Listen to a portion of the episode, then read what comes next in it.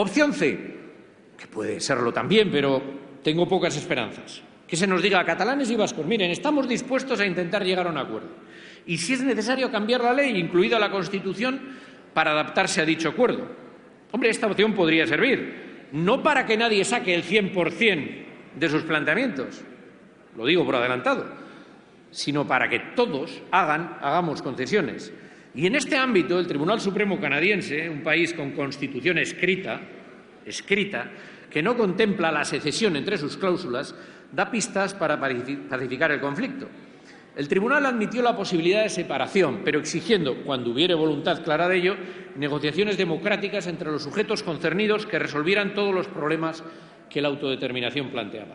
El 20 de agosto del 98, la Corte Suprema concluyó que Quebec no, tiene el derecho a separarse unilateralmente por la legislación canadiense o internacional, pero, sin embargo, el Gobierno de Canadá tendría que entrar en negociaciones con el Gobierno de Quebec si los quebecois expresasen una clara voluntad de separarse.